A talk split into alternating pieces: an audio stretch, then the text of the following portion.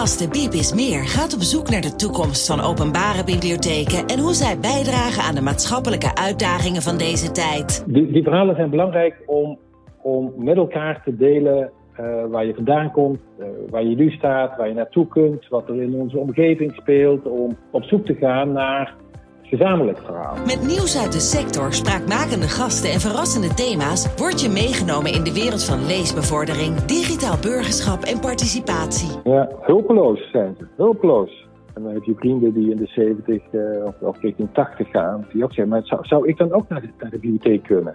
He, die dan zeggen, ja, ik heb al zo'n zo apparaat, maar hoe je dan die DigiD-app moet en hoe je... Ik heb geen idee, zeg maar. Geen idee. Hulpeloos. De Bibis Meer is een initiatief van Matt Gubbels. Hij gelooft in de kracht van podcasting en het verhaal van de bibliotheek. Graag tot een volgende keer.